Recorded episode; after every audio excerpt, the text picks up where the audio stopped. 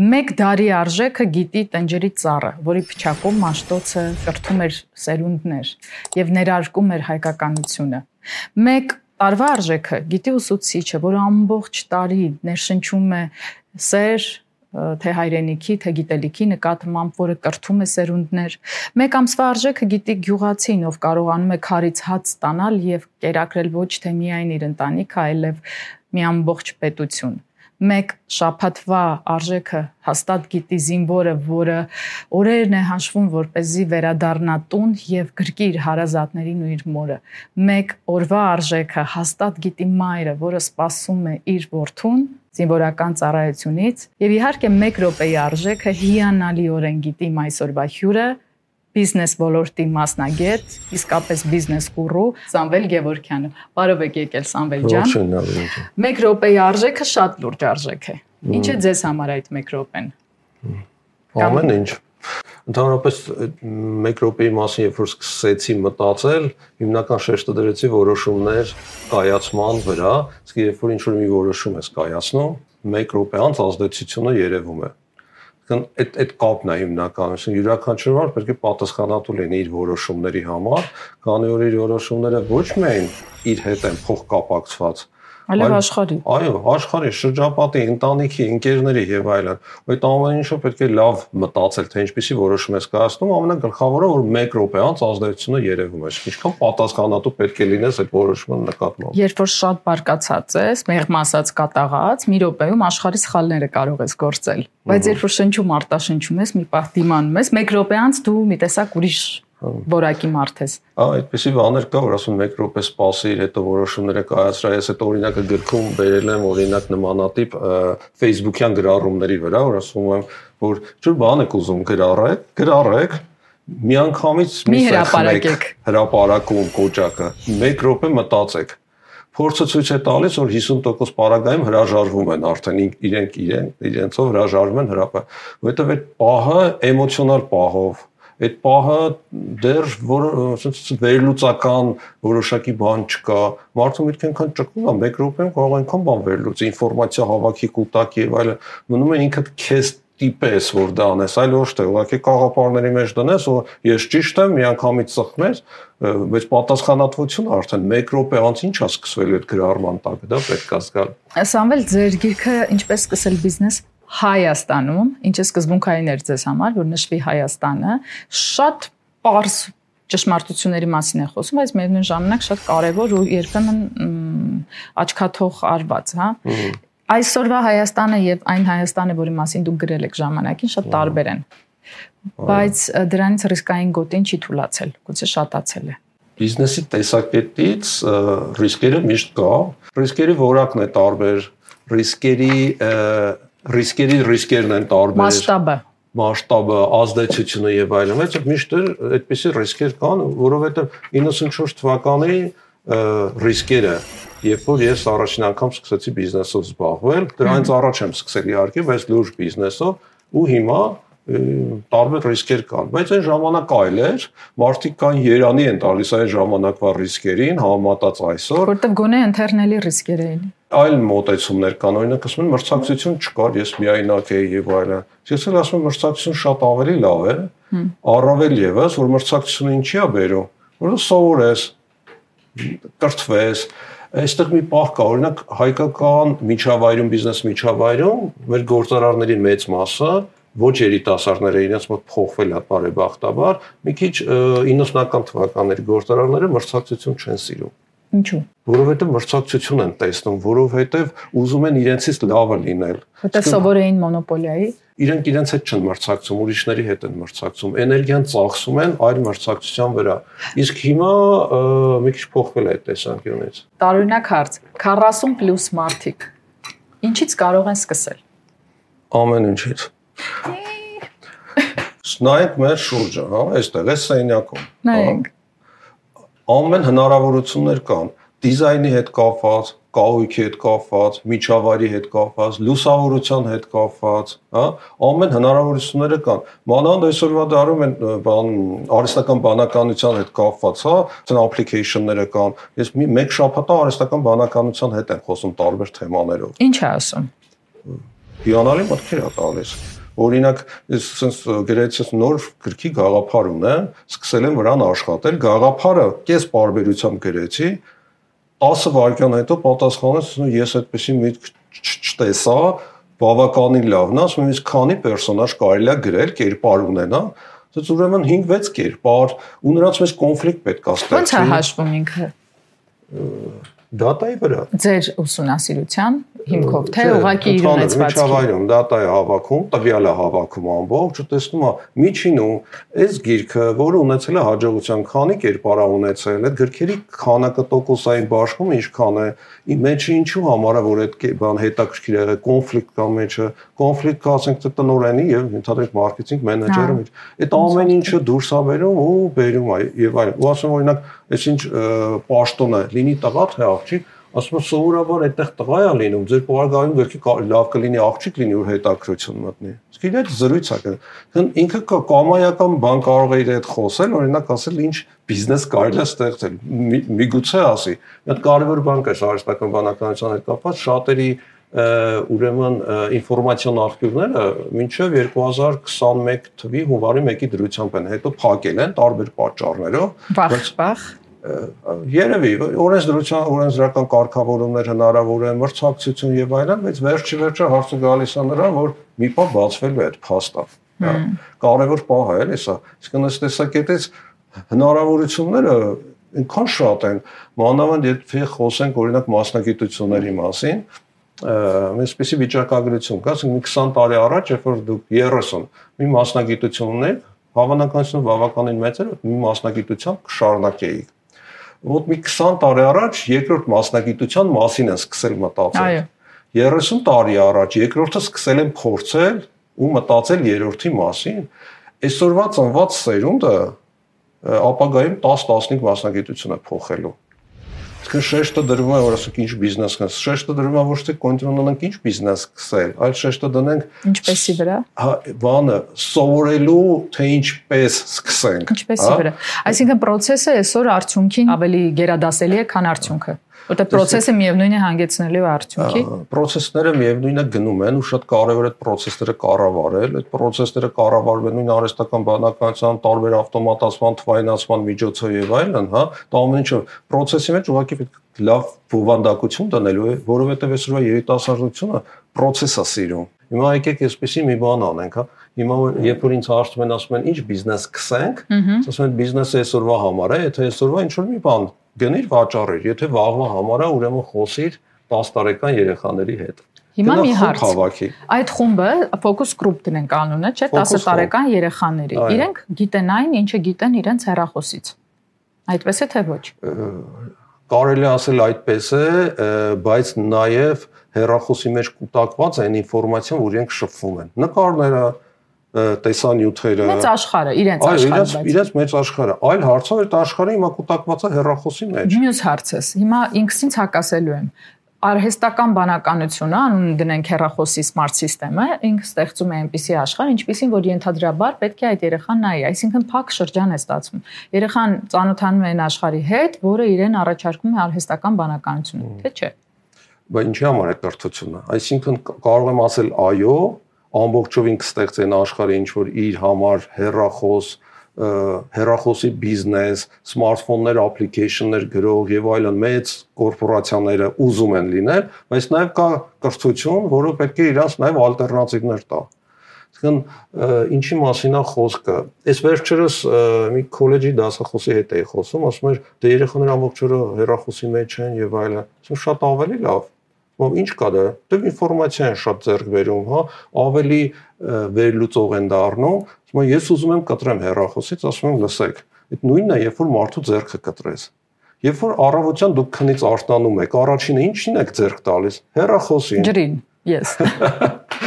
Երբ որ ինչ որ մի բան եք անում, տեղ եք գնում, մեկ է հեռախոսը մնաց սեղանին գնում հեռախոսի հետ, իսկ ամբողջը ձեզ հետ է հեռախոսը։ Նույնն է ինչ որ ձեռքը կտրել։ Ասում եմ, ալտերնատիվ երեխաների հետ խոսեք, ասեք, որովհետև հեռախոսը ինչ է լինելու, վերջում ափի մեջ է լինելու կամ աչքի մեջ է լինելու, չենք կարող կտրել։ Վախենալու բաներ եք ասում։ Այսինքն պետք է հարմարվենք այդ տեխնոլոգիային, հարմարվել ասելով հնարավորություններ իրա փորձենք օգտագործել։ Դուք նշում եք ձեր գրառումների մեջ նաև շատ հաճախ ձեր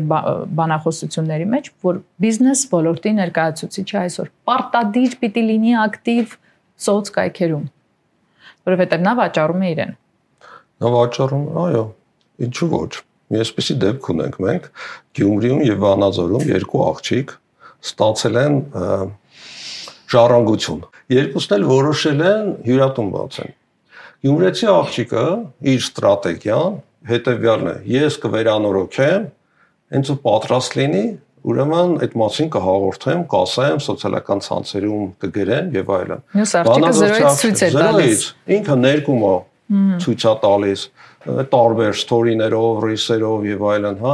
գնում է բանակցությունների ինչ որ մեկ է շինարար է, ամեն ինչ դնում է։ Ձեր կարծիքով ով ավելի շատ հաճախորդ կունենա բացման պահին։ Բանաձորցի աղջիկը իդեալնալի կոնտենտով։ Բանաձորցի աղջիկը, որ արդեն 6 ամսվա հաճախորդներ ունի։ Իսկ մյուսը նստի կսպասի հաճախորդի։ Քանի որ այդ հնարավորությունը կա անվճար, ինչու չօգտվել։ Քանի որ այդ կապերը կան, ինչու չօգտվել այդ նույնն է չօգտվել դրանից, երբ որ ձեզ տալիս են 1 միլիոն դոլար, դուք հրաժարվում եք բիզնես կասում, ինձ անհրաժեշտ է 10000 երջանիկ ապրելու համար, Շուրա Բալագանովի նման, հա, այդ ինչքան գումարը ձեզ պետք է երջանիկ լինելու համար։ Չէ, այդպես չի մոտեցում, այսինքն ռեսուրս կա, ռեսուրսը եկեք օգտագործենք։ Հիմա մեզ նայում են տարբեր տարիքի, տարբեր մասնագիտությունների կամ տարբեր ապրած կյանքերի տեր մարդիկ, հա։ Փորձենք օգտակար լինել։ Դուք որպես բիզնես ոլորտի հիանալի մասնագետ։ Ինչից է ամենակարևորը պետք սկսել բիզնես անելը։ Ենթադրենք 45 տարեկան տնային տնտեսուհի է, բաժանված կամ շատ երջանիկ կյանքով ապրող կամ 20 տարեկան ավագ դպրոցի աշակերտ։ Հիմա բազմաթիվ կանայք կան 40+, ովքեր իրենց բիզնեսները սկսում են բավականին ակտիվ։ Ինչից պետք է սկսել առաջին հերթին ինքդ քեզ տեղը դնելուց։ Դու ինչ լավ իմաստով վատ չէ։ Ինչու՞ ես դու ուժեղ, հա։ Ինչու՞ ես դու ուժեղ, որովհետև գիտեք ինչ կա, շատերը ասում են հատնա բերենք մեր թույլ կողմերը ու փորձենք վերացնել։ Հակառակը, գտեք ձեր ուժեղ կողմը, դարձեք դրոշակ, այդ ճանապարհի ընթացքում կտեսնեք ձեր թույլ կողմերը ինչն է, ու դրանք դանդաղ կամ իրենք իրենց կվերանան կամ դուք կվերացնեք, ասենք շատերը օրինակ ես մի ընկեր ունեմ, ով 10 լեզվով խոսում է, ամեն լեզվից գիտի 5 բառ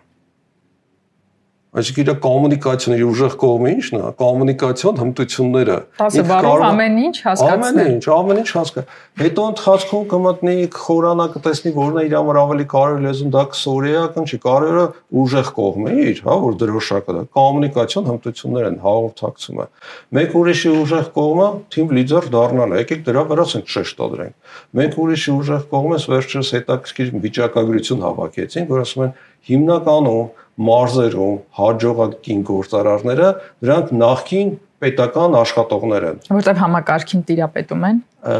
որովհետև կապեր ունեն հա։ որովհետև գիտելիք ունեն, մտահորիզոն ունեն, հաղորդակցման հմտություններ ունեն, որովհետև գիտեն ինչն է առաջնայինը, կարևոր չի, որ հիմա շատերին նախինում ավելի շատ էր այդ պատասխանը, հիմա բարեբախտաբար փոխվել է, ասում ինչա պետք բիզնես սկսելու համար ասում են գումար։ Իրենք գիտեն որ գումար պետք չի, իրենց պետք է կապ որակյալ կապ։ Իրենց պետք է ավելի լավ մատակարարի հետ որակյալ հարաբերություններ ստեղծես, հաճախորդ հետ հարաբերություններ ստեղծես։ Իմ հոլանդացի գործընկերն ասում է, եթե գաղափարը կա, փողն ինքն իրեն կգա, բայց փաստ է որ դա այդպես է։ Քանի մարդ գիտեն, որ գումարը ձեռքին բիզնեսը ձախողել են։ Հարյուրավորներ, հազարավորներ իմ աչքի առջև մեր հարևանները, իմ բարեկամները ու քանի մարդ գիտեն, ովքեր առանց գումարի բիզնես են սկսել։ Օրինակ Amazon-ում գրախանութ են բացում, հայկական արվեստի գրքեր են վաճառում, անվճարը գրախանութ բացել է։ Բացեցինք, գրքերի նկարներ ամեն ինչ տեղադրեցինք, պատվեր եղավ Ավստրալիայից, իրական դեպք եմ ասում։ Պատվերը 100 դոլարանոց գիրք է վճարում են բնականաբար, վերջնում է 100 դոլար, գնում 50 դոլարով գրախանութից գիրքը գնում է եւ ուղարկում է պատվիրատուին։ Իսկ դա շատ փոքրիկ մի հատ դեպք է, շատ, բայց պրակտիկ։ Ու նմանատիպ դեպքեր շատ-շատ կան այ քեզ բան։ Հիմա բոլորը չգնաք բացե գրախանութ սկսեք առնել վաճառել, չնայած ինչու ոչ։ Սամվել դուք մարդ եք, որը ապրում է հանուն, ոչ թե դեմ։ Միանշանակ։ Մեր հասարակության մեջ առանց մեղադրանքի եմ ասում, շատ են դեպքերը, երբ մենք ապրում ենք դեմ, ոչ թե հանուն։ Արդյոք դա չի խանգարում բիզնես մտածողության ճիշտ զարգացմանը։ որոշ դեպքերում խանգարում է ինչ տեսանկյունից, որ շփվում է շատ մարդկանց հետ, բիզնես տեսանկյունից հաճախորդներ ես կորցնում։ Իսկն մարդիկ կան, որոնք Հա, շղթում են, հա, կորցնում ես։ Շղթում են, չտարի չարիքի պատմություն, հա։ Գալու ենք դրա։ Այո, շղթում են ու առաջներում ես շատ էի ջանք թափում մարդկանց տրանսֆորմա փորձել տրանսֆորմացնել, էլի որ կարելի է այսպես մտածել, օրինակ ինչու ասել հնարավոր չէ, եթե կարելի է կարելի է մտածել ինչպես դարձնել հնարավոր։ Մարդ ենք վերջի վերջը, ունենք ուղեղ, որպես Աստված տվել է այդ ուղեղը, եկեք օգտագործենք, ինչու միանգամից դռները փակենք։ Հետո մի պայ եկա, որոշեցի հրաժարվել նմանատիպ հաճախորդներից ու մտածեցի ավելի լավ ինչ ջանքը, ժամանակը, ռեսուրսները ներդնեմ այն մարդկանց վրա, ովքեր արդեն այդպիսին են կամ արագ աշխատելով իրենց հետ փոխվում են, հա ու օգուտը շատ ավելի մեծ է լինում։ Դեռ չես կարող հասարակություն փոխել, կարող ես հասարակություն կորիս փոխել կամ ձևավորել։ Այո, բիզնես տեսակետից կարելի ասել վնաս տալիս է, բայց իմ համար կարևորը ավելի շատ մարդիկ են անհատները, ովքեր փոփոխություններ են բերում ու այդ փոփոխություններով իրենք ծո միջավայր են կարողանում փոխել։ Ես վերջերս ավելի ճիշտ ձեզ հետ հանդիպմանը պատրաստվելիս մեծագույն հաճույքով ձեր YouTube-յան ալիքում վերանայեցի Բիզապին տված ձեր բանախոսությունը։ Մենք սպասում ենք, որ ժամանակը գա, բայց ժամանակը գնում է։ Բոլորս ինչ որ մի բանի ակնկալիք ունենք Բայց փաստ է, որ այդ ժամանակին սпасելը ժամանակը անընդհատ գնում է։ Բիզնես ափին ես հետաքրքիր բան հասկացա, որ դուք ձեր խոսքով կարող եք ամենահուսահատ մարդուն այսպես ալիքով վեր բարձրացնել ու տալ, չգիտեմ, նոր կյանքի հույս կամ նոր քայլի հույս ու իսկապես ոչ թե միայն փող աշխատելու հնարավորություն այդ հույսով, այլև նոր կյանք ունենալու հնարավորություն։ Ինչ բան փոխելու հնարավորություն։ Դա ինչ է երազանք։ Ինչպես է բիզնեսմենը երազող, թե իրատես։ Նոր խոսում ենք սմարթֆոնների մասին, չէ՞, որպես ասած վատ օրինակ։ Հիմա լավ օրինակը բերեմ։ Երբ որ մեկը ասում է ինչ որ բան չգիտե, սմարթֆոնի մեջ ամեն ինչ կա կամայական ինֆորմացիա կա, վերցնենք մեկ վայրկյանում փնտրենք ու գտնենք դա։ Իսկ երբ որ մարդը ասում է չգիտեմ, իր մոտ ինչ որ բան է փակվում Հիմա մի փոքրիկ պրակտիկ օրինակով բացում ես ձեռքի տակի սմարթֆոնով։ Կամ մարդը ասում է, ենթադրենք դա այնքան էլ լավ տարբերակ չէ, կամ այդ տարբերակը չի աշխատի։ Կարող ես համաձայնել հետը, կարող ես ասել, իսկ ինչ տարբերակներ կարող ես առաջարկել։ Քո կարծիքով որ տարբերակը կառաջարկի կարևոր պահը ինչն է մարդուն 10 մտածելու հնարավորություն։ Հիմա եկեք որոշենք, ինչ որ օրինակ վերցնենք, դուք կլինեք հանուն, ես դեմ, ես կլինեմ չն, դուք չի հերքողը։ Լավ, Գնացինք հանուն։ Այո։ Ու ես կհիմնավորեմ ինչու դա չի լինի։ Շատ լավ։ Մոտ 5 տարի հետո գլոբալ բան եմ ասում։ Հասարակության մեջ հայկական լրջագույն փոփոխություններ դրական կլինեն, անկախ նրանից հիմա ինչա տեղի ունենում, բայց ես ավելին քան համոզված եմ, որ այդ փոփոխությունները լինելու են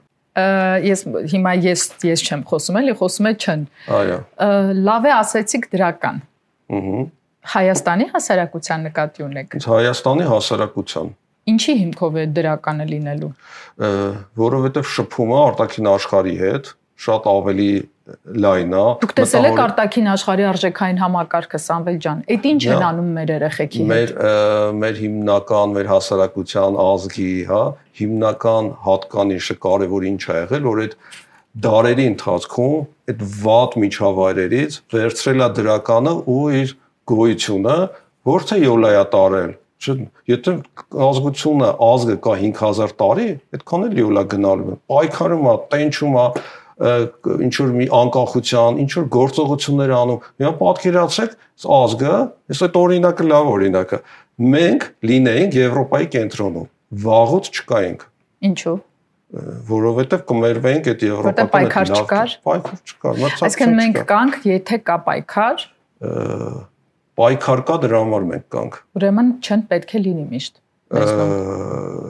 կարող է լինի ի օգուտ դրա, որովհետև եթե չկա պայքար, հա, բայց երկրորդ մաթեմատիկայում այդպեսի բան կա, չէ՞։ Երկրորդ երկու մինուսները բազմապատկած։ Տալիս են դրական։ Այո։ Հիմա ես էլի ձեզ պետք է հերքեմ, չէի մեջ եմ, էլի ես դեռ իմ կերպարի մեջ եմ։ Դուք սիրում եք ասել, որ ժամանակը ոչ թե գալիս է, այլ գնում է, որ մենք ասում ենք, չէ, հայերս, դե լավ ժամանակը կգա կլինի։ Եղբայրը ժամանակը չի գալիս, գնում է անընդհատ, հոսում է ավազի պես, ընդ որում դու չես տեսնում այդ։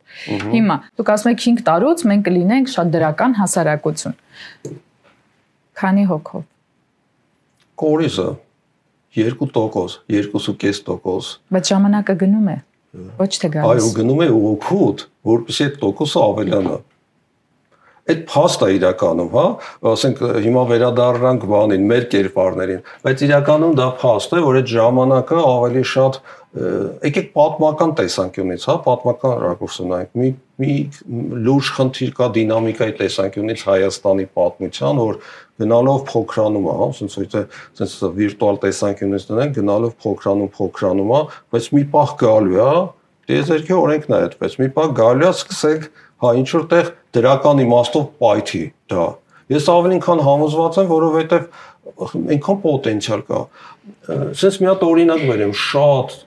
շահարկող օրինակ։ Ենթադրենք դուրս գանք փողոց, ինչ որ մի երիտասարդի տեսնենք, որ իր հակնելու ոճը, չգիտեմ, սեյվի մեջ կամ կանգնելու ոճը, ծխելու անունը դնենք ռաբիս։ Հիմա այդ տղան ավելին քան համոզված է, որ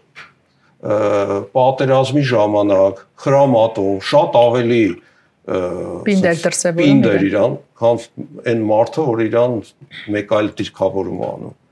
Իսկն ես որ նայում եմ մարդուն հյուսային պողոտայում նստած, ինչ որ sense սովետական մեքենաներով անցնում են բարձր երաժշտությամբ, սկսում են կողքից փնովել, ասում տղեր, բան մի ասեք, այս տղան հաստատ ավտոմատը ձեռքը ավելի իրան լավ ազգում ու ճշնամու դեմ ավելի լավ է, որովհետև այդտեղ բան չկա, չես կարող ժխտական ասել այդ բaragայում։ Ու ես այդպեսի մարդիկ շատ-շատ գիտեմ։ Գնանք գյուղերում, գնում են գյուղերում, մարզերում շատերը ասում են, դե անգրագիտությունա եւ այլն եւ այլն, ասում իսկ բանի տեսակետից հայրեն հայրենասեր չէ, հայրենատեր տեսակետից։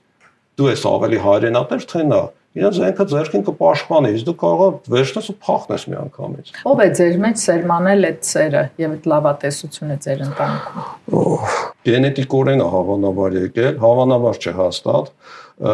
Իմ ասենց երկու պապենական, հա, պապի տատի այդ ուղությունները շատ հետաքրքիր են, ասենք հայրական պապս եւ տատս Սյունիքից են, ուրեմն Ձեզ հետ ամեն ինչ པարզ է։ Այո։ Մաթեմատիկան դրանից էլ է գալիս իհարկե։ Մայրական կողմը պապս Արևմտյան Հայաստանից, իսկ տատիկս Չարդախլու գյուղից ծնվել է այնտեղ, իրանք մի 500 տարի Չարդախլու գյուղում են, ոնց որ ապրել, ծնվել ու եղերնի տարիներին, երբ որ պապիկիս ընտանիքը տեղափոխվել է Չարդախլու, ու այնտեղ Չարդախլուում տատիկս էր պատում, Չարդախլուում դա ասում գաղթականներ, ոնց որ մենք ասում ենք փախստականներ հիմա փախստականներ, ախպարներ եւ այլն լավ ինչ որ մի բառ պետք է ասենք թող լինի գաղթական կամ փախստական կամ ախպար հա ուրեմն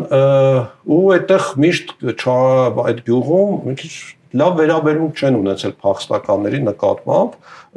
որ մարդիկ տունտեղ կորցրած եկել են, բայց այնպես են աջողացրել տատիկս պատմել, որ իր ծնողները դեմ են եղել որ ամուսնանա պապիկիս հետ, որովհետև գաղթական է եւ այլն, բայց ամուսնացել է ու Չարդախլու գյուղը պատկերացրեք, հա, ասենք իր հզորությամբ, ես եղել եմ 6-7 տարի նկարներ ունեմ այդտեղ 6-7 չեն, նույնիսկ 3-4-5 տարեկանում նկարներ ունեմ, մորակրոցս աղջիկների հետ, ցենց հիշողություններ կա, ցենց պատկերը ամբողջ աչքիս առաջ է։ Իսկ պատկերացեք դաշտային Արցախ ու Սյունիք, հա ուրեմն հայրական կողմից տեղափոխվել են Երևան 50-ական թվականներին, իսկ մայրական կողմից 70-ական թվականին մայրիկս իհարկե շուտ է եկել Երևան սովորել եւ այլն հետ ամուսնացել են հայրիկիս հետ։ Ես Երևանում եմ ծնվել, բայց այդ արմատներով իմ համար sense միշտ sense բանն եմ զգում, հա։ Sense Երևանի օդն եմ շնչում, բայց արմատներով ոնց որ մի ոդկը Սյունիքում, մի ոդկը Արցախում այդ տեսակետից եմ ավելի շատ ինձ նայում։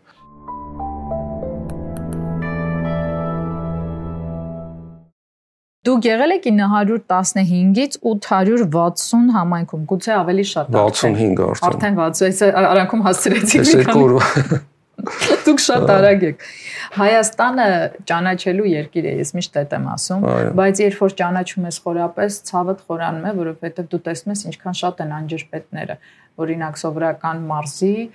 մարզի միջի ինչ որ X գյուղի եւ Երևանի կամ նույն Գյումրվա միջև, հա։ Այսինքն այդ տարբերությունը հնարավոր է բիզնես աշխարհում ինչ որ մի օր, որ մենք կարողանանք հարթեցնել այդ անհարթը։ Մի քիչ տխուր թեմա է, բայց չտարի ժխտական տեսանկյունից նայեն, դա էլ լուրջ հնարավորություն է Հայաստանի համար բավականին մեծ մարտահրավեր է, իմ կարծիքով համար առաջին մարտահրավերն է, երկրորդ, երրորդ չկա, Հայաստանի մարզերի եւ Երևանի ծայրահեղ զարգացածության աստիճանները տնտեսական առումով, կրթական առումով, տարբեր առումներ, ծայրահեղ է, ու ինչքան Երևանից հեռանում ես այդ զգացումը, բայց ինչքան Երևանից հեռանում ես մոտենում ես սահմանին, մարդկանց մոտ բնակիչների այդ նույն այդ հայրենատիրության գաղափարը շատ ավելի հզոր է Ալմատեն կենտրոնի բնակչին ու սահմանում ապրող բնակչին։ Տեղերը փոխենք, իրենք չեն էլ ապրի սահմանամերձ ապրողը դժվարությամբ կմերվի Երևանյան կյանքին եւ հակառակը գյուղերում համայնքներում լինել է իսկապես 865 համայնքում եղել եմ 28 տարվա ընթացքում բայց դե Հայաստանը դեռ մինչև վերջ չեմ ճանաչում անհնար է ճանաչել Հայաստանը երբ որ այս բավականին մեծ թվով ռուս բլոգերներ չէ հայտնվեցին ինքան սիրուն բաներ են բացահայտում իրենց շնորհիվ Ասենք ես մի քանիսին sense հետևեմ, ապշելու բան, այսինքն ես կողքով անցել եմ ու չեմ տեսել։ հա։, հա դրա նույնիսկ այդտեղի բնակիչները չեն իմացել։ Որտեղ բլոգերները իրաց շուկաներ ունեն, մեկ անհայտ տեղերն ափնտրում, մեկը հայտ փորփրում են իրենք, չեն հալարում, չեն վախենում գնալ այդ սարի հետևով քայլել երկարից, ստոպեր չունեն։ Ես օրինակ մեքենա sense սիրում եմ ճանապարհից դուրս գալ, մտնել sense ինչ որ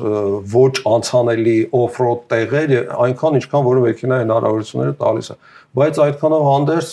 Հայաստանը դեռ չեմ ճանաչում, լինելով Հայաստանի, ասենք ֆիզիկապես տեղերում, ճանապարհներում, ասենք 95%-ում։ Մեկ կյանքը բավարար չէ այդ ամեն ինչը ճանաչելու համար, սիրելու երկիրը ու սիրելու ներսից։ Եկեք փորձենք հասկանալ, ինչ է նշանակում բիզնես մոդել, Սամվել ջան։ Մարդը ուզում է ստեղծել բիզնես։ Ահա։ Ինչպես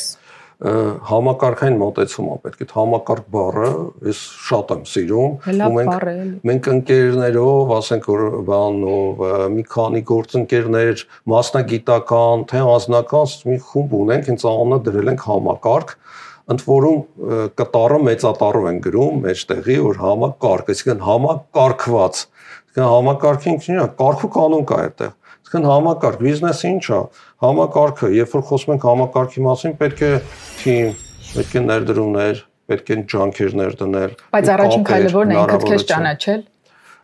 Այո, դու ինձ հասկանաս, դու բիզնեսի մարդ ես, թե ուզում ես ինչ-որ տեղ աշխատես։ Մյուսը, այդ ո՞նց ենք հասկանում։ Պատրաստ ես պատասխանատվություն կրել թե ոչ։ Ոչ միայն բիզնեսի մարդը միայն պատասխանատվության հարցը չի։ Բիզնեսի մարդը չնայած կարևոր բան, օրինակ պատասխանատվության առում, եթե բիզնեսը սկսում ոչ միայն պատասխանատու ես քո արած գործի համար, այլ նաև ուրիշների արած գործի համար դու ոչ միայն պատասխանատու ես կամ ուրիշների չարացի համար, չէ՞։ Չարացի, այո, չարացի։ Բայց նաև մարդը միջավայր է փնտրում փնտրում ասես դինամիկ, արագ զարգացող կրթվելու հնարավորությամբ միջավայր, թե ուզում եմ միջավայր, որտեղ ուղակի նստի ու իրեն որոշակի առաջադրանքներ տան, չեմ ասում։ Հա, չեմ ասում վատ բանա։ Մարդը բդուկ նա այդպեսին։ Մարդը այդ ճանապարհն է ընտրում։ Այսինքն մի մի միջավայր, որտեղ ինքը ուղղակի որոշ մարդկանց առաջադրանքներն է կատարում։ Վիճակագրություն կա այսպեսի, աշխարհի բնակչությունը, որը արդեն 8 միլիարդից ավել է, 5%-ն է, որ գործարար է։ Գիտեմ, 1-ից 20-ից 1-ը այդ լավ թիվ է։ Հենց 20-ից 1-ն է, որ արժեքներ են ստեղծում որպիսի պետությունը մարդիկ հասարակությունը օգտվեն։ Օրինակ Իսրայելում շատ ենք խոսում դա Իսրայելի մասին տարբեր հարթակներում, բայց լավ օրինակ է։ Իսրայել Իսրայելում պետությունն է կանոնակարգում։ Ինքը հաշվարկում ասում է 10000 բնակչին մեկ դեղատունը շահութաբերը Երկրորդը գալիս է դեղատուն բացելու, իրեն ուրիշ առաջարկ անում, ասում է կամ գնա կողքի շրջանում բացի, ես քեզ որոշակի ծախսեր կփոխհատուցեմ։ Այո։ Կամ մեկ ուրիշ բիզնես սկսի, որովհետև պետության խնդիրը ի՞նչն է, որ հանկարծ հարկ տվողները չպակասեն։ Եթե դու հայտնվեցիր իր կողքին, երկուսդ էլ ձախողելու եք ու հարկեր սկսելու եք չվճարել, հա, այս տեսակետից Այսինքն այդ մարդկային բնույթի հարցը այլ ոչ թե ու պետությունը պետք է իհարկե կամ պետության դերը որն է, որովհետեւ կանոնակարգ է բոլոր հարաբերությունները։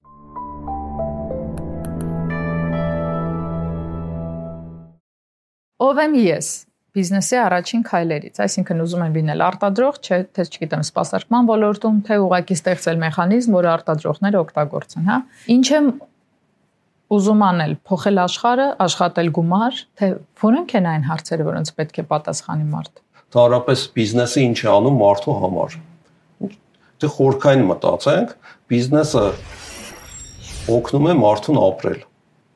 Կամայական բիզնես օգնում է մարդուն ապրել այդ տեսակետից խոսանք, այդ հարցին եթե կարողանանք պատասխանել, ես իմ product-ով, իմ ծառայությունով ինչպես եմ մարդուն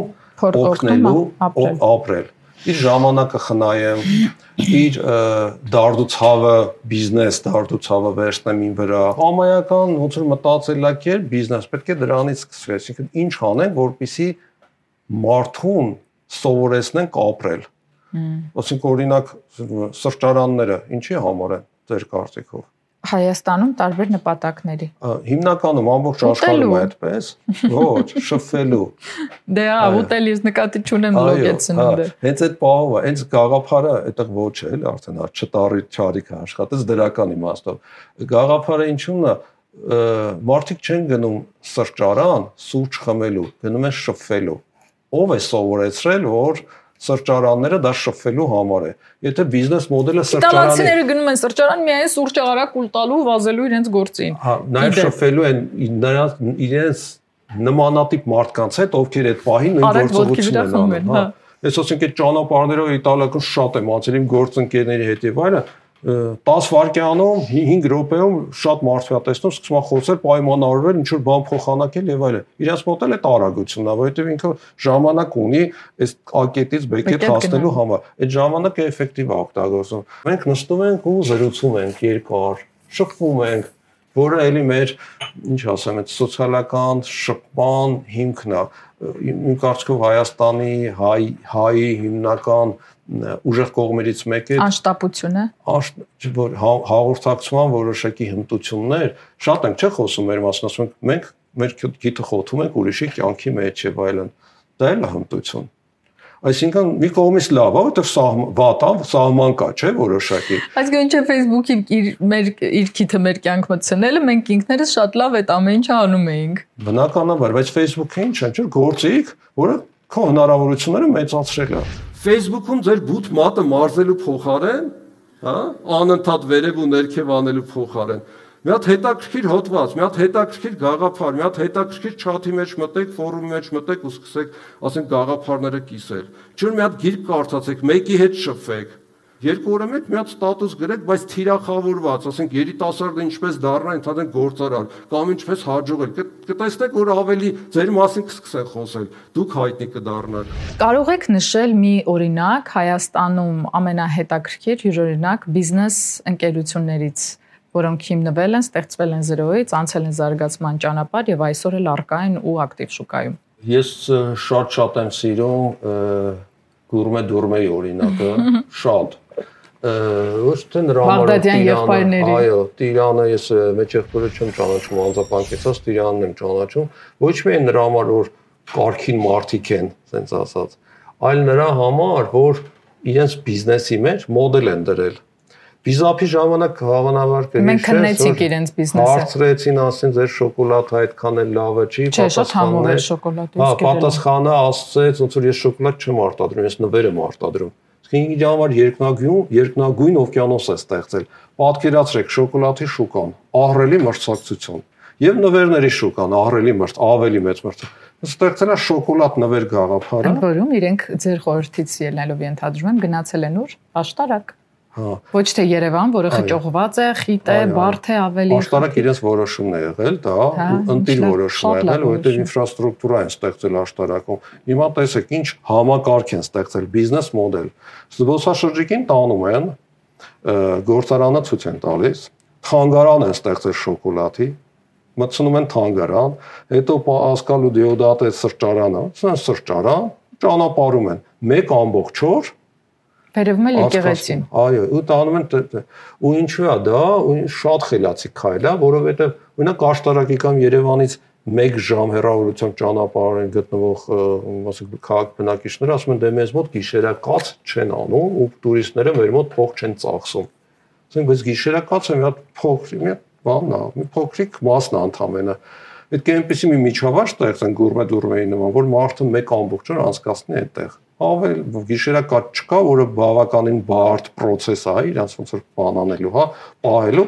մեկ օր հնարավորություններ տվեք, թող իրենք ոնց որ այդտեղ անցկացնեն։ Բիզնեսներ շատ-շատ են, օրինակ ես ոնց որ կբերեմ ուղակի զուտ այդ բանի, հա, ասենց ասած մտածելակերպի տեսանկյունից, մանավանդ որ ապրելով Լիբանանում, հետո տեղափոխվելով Ավստրիա մի եղբայրը, մյուսը Կանադա, վերջը վերջը որոշել են գան Հայաստան ու ստեղծել են մի բիզնես օրինակ, հենց որ ասում եք հաջողված օրինակ, ես իրենց եմ հիշում։ 94 թվականին ցեսպես երևի մի երազող տարօրինակ մարդ ստեղծեց BSC ընկերությունը, բիզնես խորհրդատվական ընկերություն 94 թվականին, երբ համատարած փաստացի խավարից հետո նոր սկսում էինք շնչել։ Եվ ես հիշում եմ ոնց էինք ոդկով դպրոց գնում ոմանք ոդկով համասարան գնում շատ լավ եմ հիշում այդ տարիները ու բիզնես ընկերություն խորհրդատվություն ստեղծել է երբ որ չկար ոչ թե բիզնես այլ չկար ոչինչ դեռ նոր ձևավորվող հանրապետություն էինք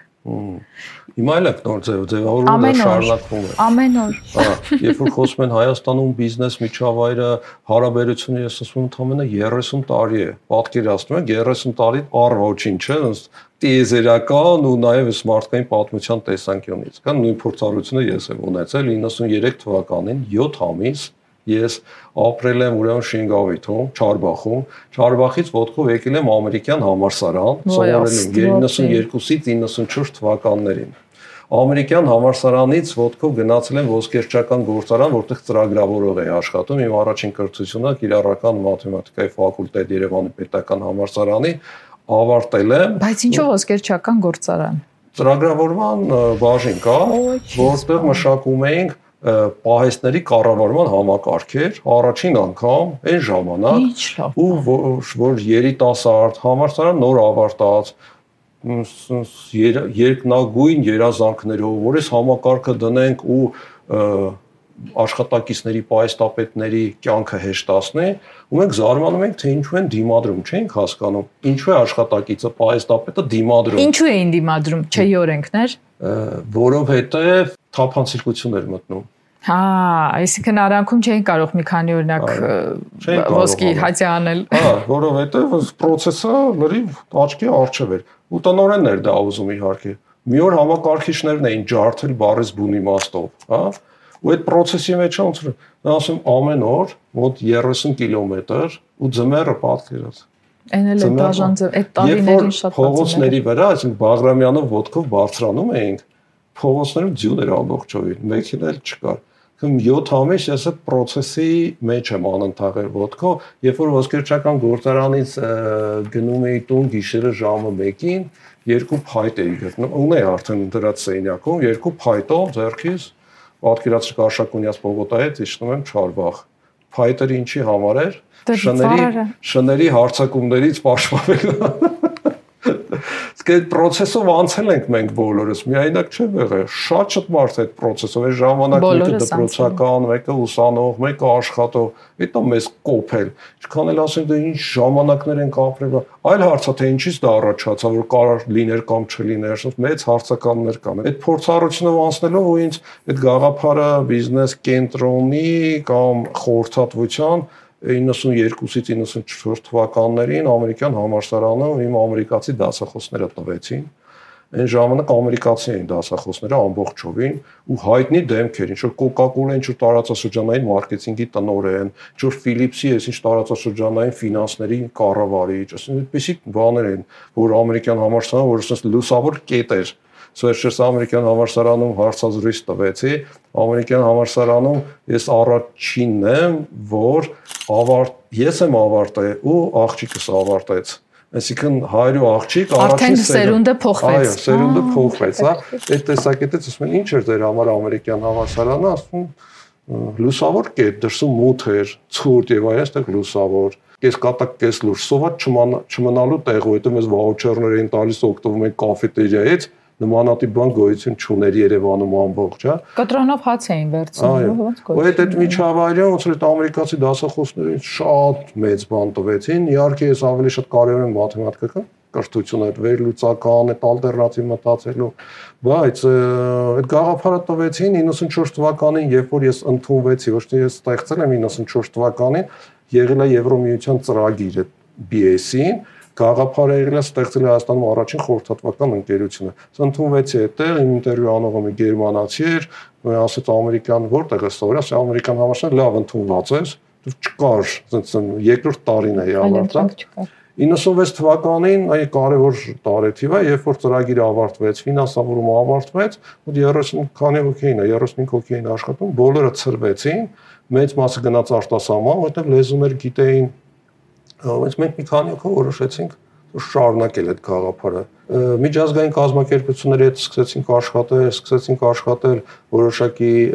հասարակական կազմակերպությունների հետ, որ սկսեցին ակտիվություն ցուցաբերել, այդտեղ խոշոր ընկերությունների հետ, որ սկսեցինք աշխատել։ Մեր առաջին մասնավոր հատվածի հաճախորդն եղել է Շանթ հերոստատեսությունը։ Ուզում եի հարցնելով եղել առաջին։ Շանթ հերոստատեսությունը, որի համար գրել են գրանտային ծրագիր, Դա որ թվականն էր սա։ 94 թվականի դեկտեմբերին։ Որից հետո ասենք հայտնվեցին տարբեր ոնց ընկերություններ, ասենք 90 թվականների վերջին մասնավոր որ սեկտորը սկսեց մի քիչ ակտիվանալ են, մի ինքնաթիռ կարակ բերեմ, ցրեմ, փողերը հավաքեմ, մտածելակերպը փոխվեց, ինչ անեմ, որ ես դա այստեղ արտադրեմ։ Ոնց որ ոնց որ ինչ որ են քանդվելու process-ը կանգնեց, սկսվեց, որ այդ քանդած փլատակների վրա ինչ որ լուսավոր կետեր տեսնելու process-ը։ Դինովացիա էր էլի, ինչ որ յուրահատուկ։ Հա, ոնց որ վերակենթանացում sense ասած, էլի այդ աչքիս արջև է դա, հենց որ ինձ ասում են հայկական բիզնես խորհրդատվական շուկան կնակարագրեք, պատկերեք, ես մի անգամից իհարկե որպես մաթեմատիկոս, հա սինուսոիդի օրինակը, հա, այսպես, հա, ցած առաջ վերև գնալով ամբողջովին սինուսոիդ չի, որտեղ սինուսոիդը 0 առանցքի շուրջ է, հա։ Իսկ դա ասած մենք չբարձրան, բայց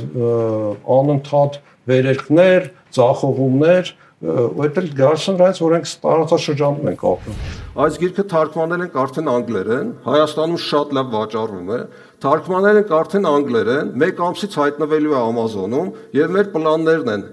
3 տարվա ընթացքում թարգմանել 10 լեզուներով եւ վաճառել 1 միլիոն օրինակ ամբողջ աշխարհում։ Իրավիճակը ինչպեսին է, ուզում եք դարձնել այս գիրքը առաջինը հայերեն տպված գիրք, որը դարձել է միջազգային բեսթսելեր։ Էմոցիոնալ արձագանքներ եմ ես լսում իր մասին, որ ինչ մի մոտ փոխեց, մարդիկ կան ասում են իմ կյանքում ճիշտ բային հայտնվեց, ես ապշում եմ այդ արձագանքներից, ասենք ես իրան դրել եմ արդեն օգնելու 1 րոպե արժեքը որոշել, բայց որ այդ արձագանքները լսում եմ, ինձ ավելի իհարկե այդ ողջևորում ու հուզում։ Գիտեք ինչ եք արել, խոսել եք մեր ուղեղում եղած մտքերով, բայց համակարգել եք։ Համակարգ կարևոր բան դասավորել եք դարակների մեջ ու մարդը որը ուզում է վերջնականապես գտնել իր հավաքված սենյակը Գրքի վերջում դրան հասնում է։ Սենյակը հավաքվում է։ Հաղթում ես այն խաղում, որտեղ դու ես սահմանում կանոնները։ Այդ Նասիմ Թալեբի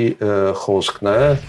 Սև կարապ գրքից, ես շատ եմ սիրում այդ գիրքը ու Նասիմ Թալեբին հենց այդ ալտերնատիվ մտածելակերպի տեսանկյունից Նասիմ Թալեբի ոնց մտածելակերպը ինչա ամեն ինչ դիր կասկածի տակ լավ իմաստով։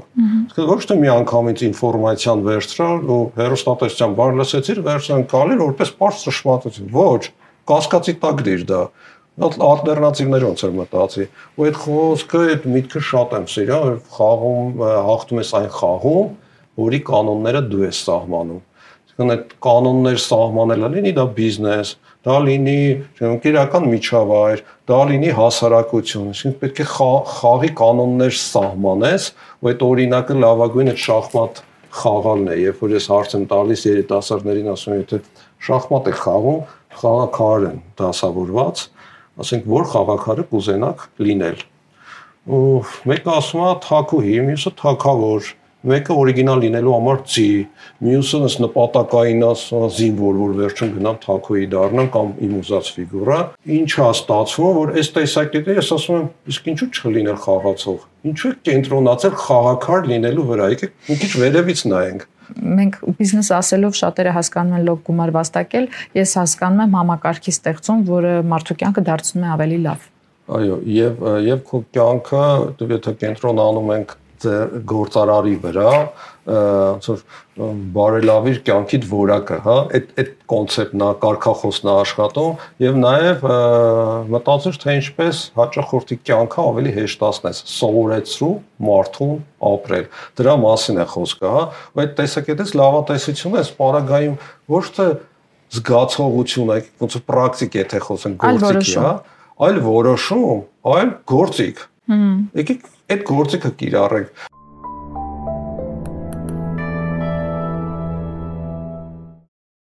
Մեր սիրելի քաղաքամայր Երևանի բուն սրտում օպերա սուիթ հյուրանոցի ամենավերևի հարկում այս գեղեցիկ Սինատրա ռեստորանում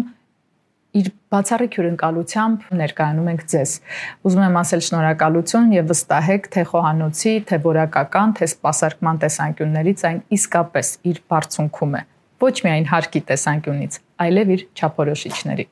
Շնորհակալ եմ։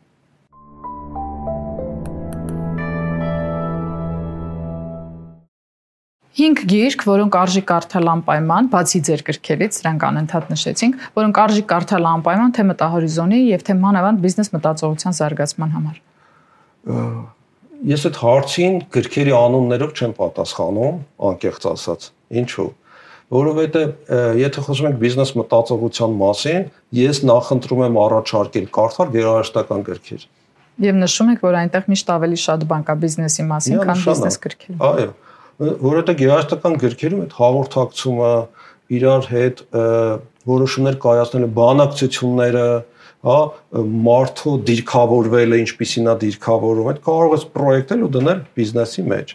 Իսկ երբ որ սկսում են մարդկային հարաբերություններ խոսել, ապա ինչ գիրք կարդան գեղարվեստական եւ այլն, ասում օրինակ ես գիրք կարդա հաղորդակցություն հմտություններ, հա, որտեղ կոնկրետ գործիքա կազ կա, որտեղ գրված է, որ ասենք հաղորդակցությունը դա միայն բառերը չեն,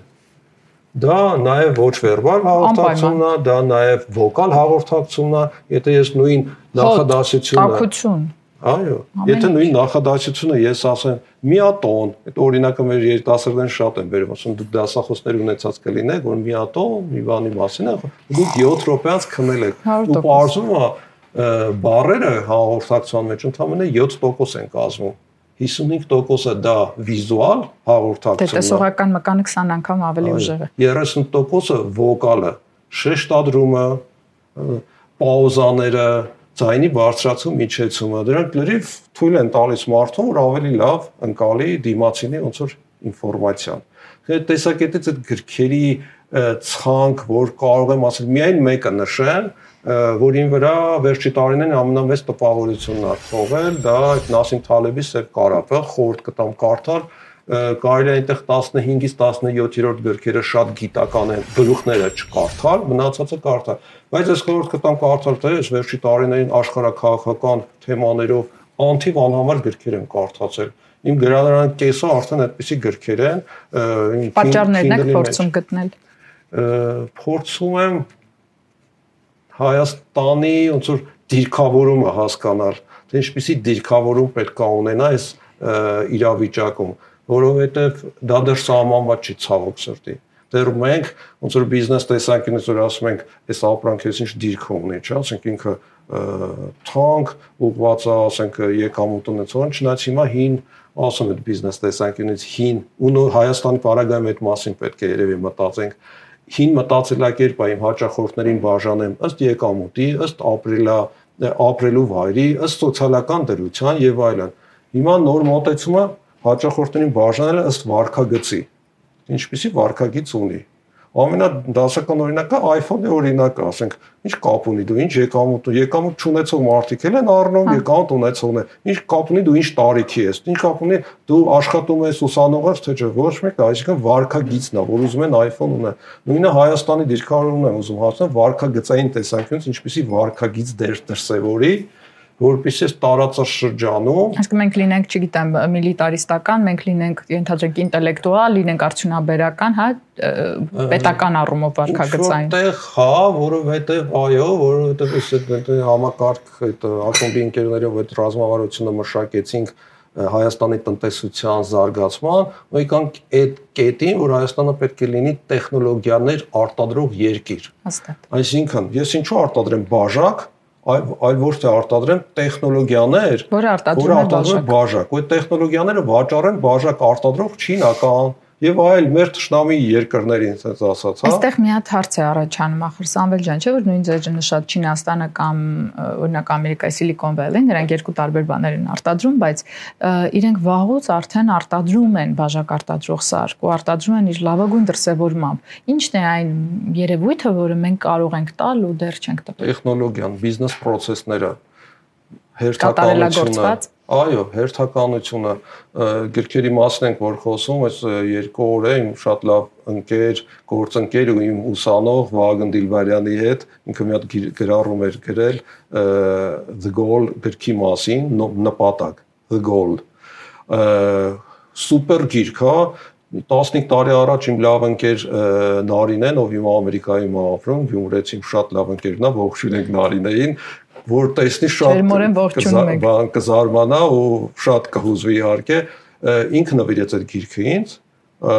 ու ես մի անգամ կարդացի ու երաժշտական գիրքը բիզնես ուղղվածությամբ հետո երկրորդ անգամ կարդացի հետո 1 տարի անց նորից կարդացի ու նրան վրա լուրջ տպավորություն ա թողել այդ գաղափարը ինչու՞ն է այդ գրքի նույն բանն է ամեն ինչ բոլորը նույն բանն են արտար բայց կա process գրքի նպատակը այդպես անգլերեն տերմինով ասած bottleneck այսինքն այն շշի նեղ մասը կա արտադրության այդ process-ների ընթացքում այդ նեղ նեղուցները վերացնելը իսկ գտնում ես այդ տեղը ու իրան վերացնում ես բայց մի հատ բայց կա այս թիմը վատ աշխատում, այս թիմը լավ։ Հա, իրաց ոնց իրար կպցնես։ Այսինքն մի նպատ բանը ռազմավարությունը, որը չի աշխատում, այս թիմի հզորությունները, կարողությունները բարձր, բայց մարդ թիմի կարողությունները շատ չես կարող։ Գաղափարը ինչու՞ն է ասում, այ այս թիմի կարողությունները բարձրացնում ես, այս մեկինը իջացնում ես, որ հավասար։ Որ հավասարվեն, ու այս մեկի լրացուցիչ կարողությունները օգտագործում ես ընկերության այլ նպատակներում։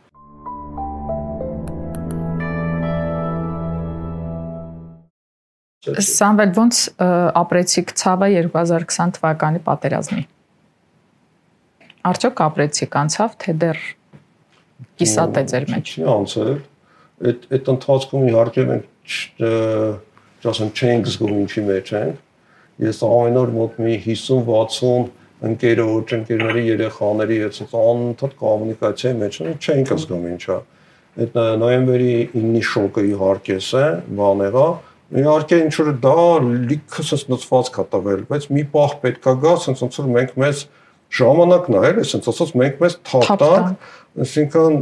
շախմատ են խաղում, նոր իմ սիրած խաղի բանով կանոններով ասեմ։ Ինչ որ մի հատ դիրքում է, որտեղ դեռ պարտված չես։ Ինչ որ հույս կա անելու, ինչու հանձնվես։ Իսկ ինչ որ մի կամ ճանապարհ հանձնվել որ ճիշտ է, կամ էլ ինչ որ ինչ որ մի բան եղած ռեսուրս բիզնեսի լեզվով ասած ռեսուրսները դա են, եկեք այդ ռեսուրսների հիման վրա դե անդադ ասենք ասենք կորցրել են որ շատ կորցրել են կան երիտասարդներ այդ որ ազդել է մեր ապագա սերունդների վրա այդ այդ լուրջ բան է բայց մի պահից պետքա հաշվի առնելով այդ բանը ոնց որ այդ հերոս տղերքի բանը հա ասենց իրանց կյանքը որ տվել են Հայաստանին հայրենիքին իրանց գնահատենք իրանց արածը ոնց որ սա թափենք ինչ որ մի պահ պետքա գա թվում է հանուն հանուն Հայաստանի որը նորից եմ ասում 5 10 15 տարից ուժեղ Հայաստան հիմա ես ճեղքում եմ տեսնում արդեն մի քանի ամիս է արդեն ցած մարդկանց տրամադրվածություն, տրամադրությունների փոփոխություններ եմ տեսնում։ Նախաձեռնությունները տեսեք ինչքան բան նոյեմբերին 20-ի դեկտեմբերին հունվարին անթիվան համար նախաձեռնությունների հայտ եկան ինչ շրջապատում երիտասարդներով էս բանը անենք էս ինչ նախաձեռնությունից ինչ որ միացած մեծ հոս գնաց հետո մի քիչ նվազեց այդ համագործակցության պատճառի պակասի պատճառով բայց հիմա արդեն կան որոնք ասենք նույն տեմպով աշխատում են ու ես հիմա ռեալ ճեղքում եմ հիմա տեսնում այսինքն ցտափվելու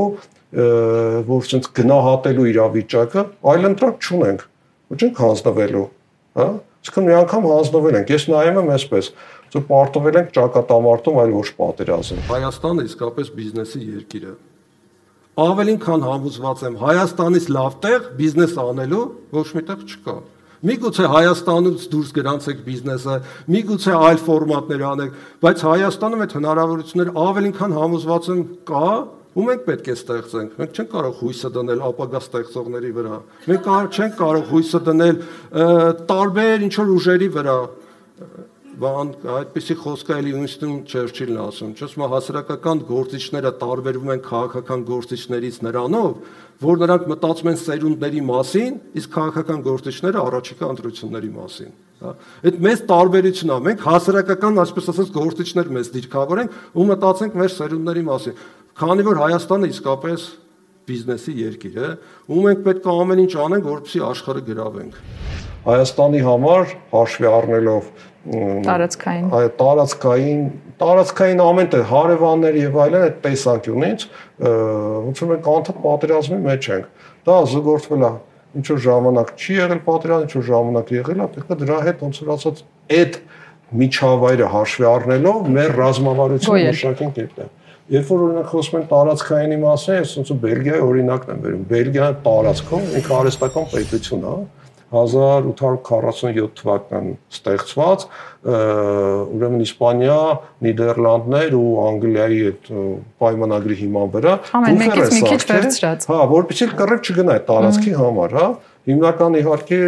Մեծ Բրիտանիայի դերն ա եղել, որ Անտվերպեն նավահանգիստ անցել է իր ուրեմն տիրապետության տակ։ Այդ տարածաշրջանում հազարավոր տարիներ պատերազմներ են եղել։ Ինչ որ մի պահ եկել է ինչ որտեղ համաձայնություն Հա, այդ համաձայնությունը ես գտնում եմ, որ հաշվի առնվերս շրջակա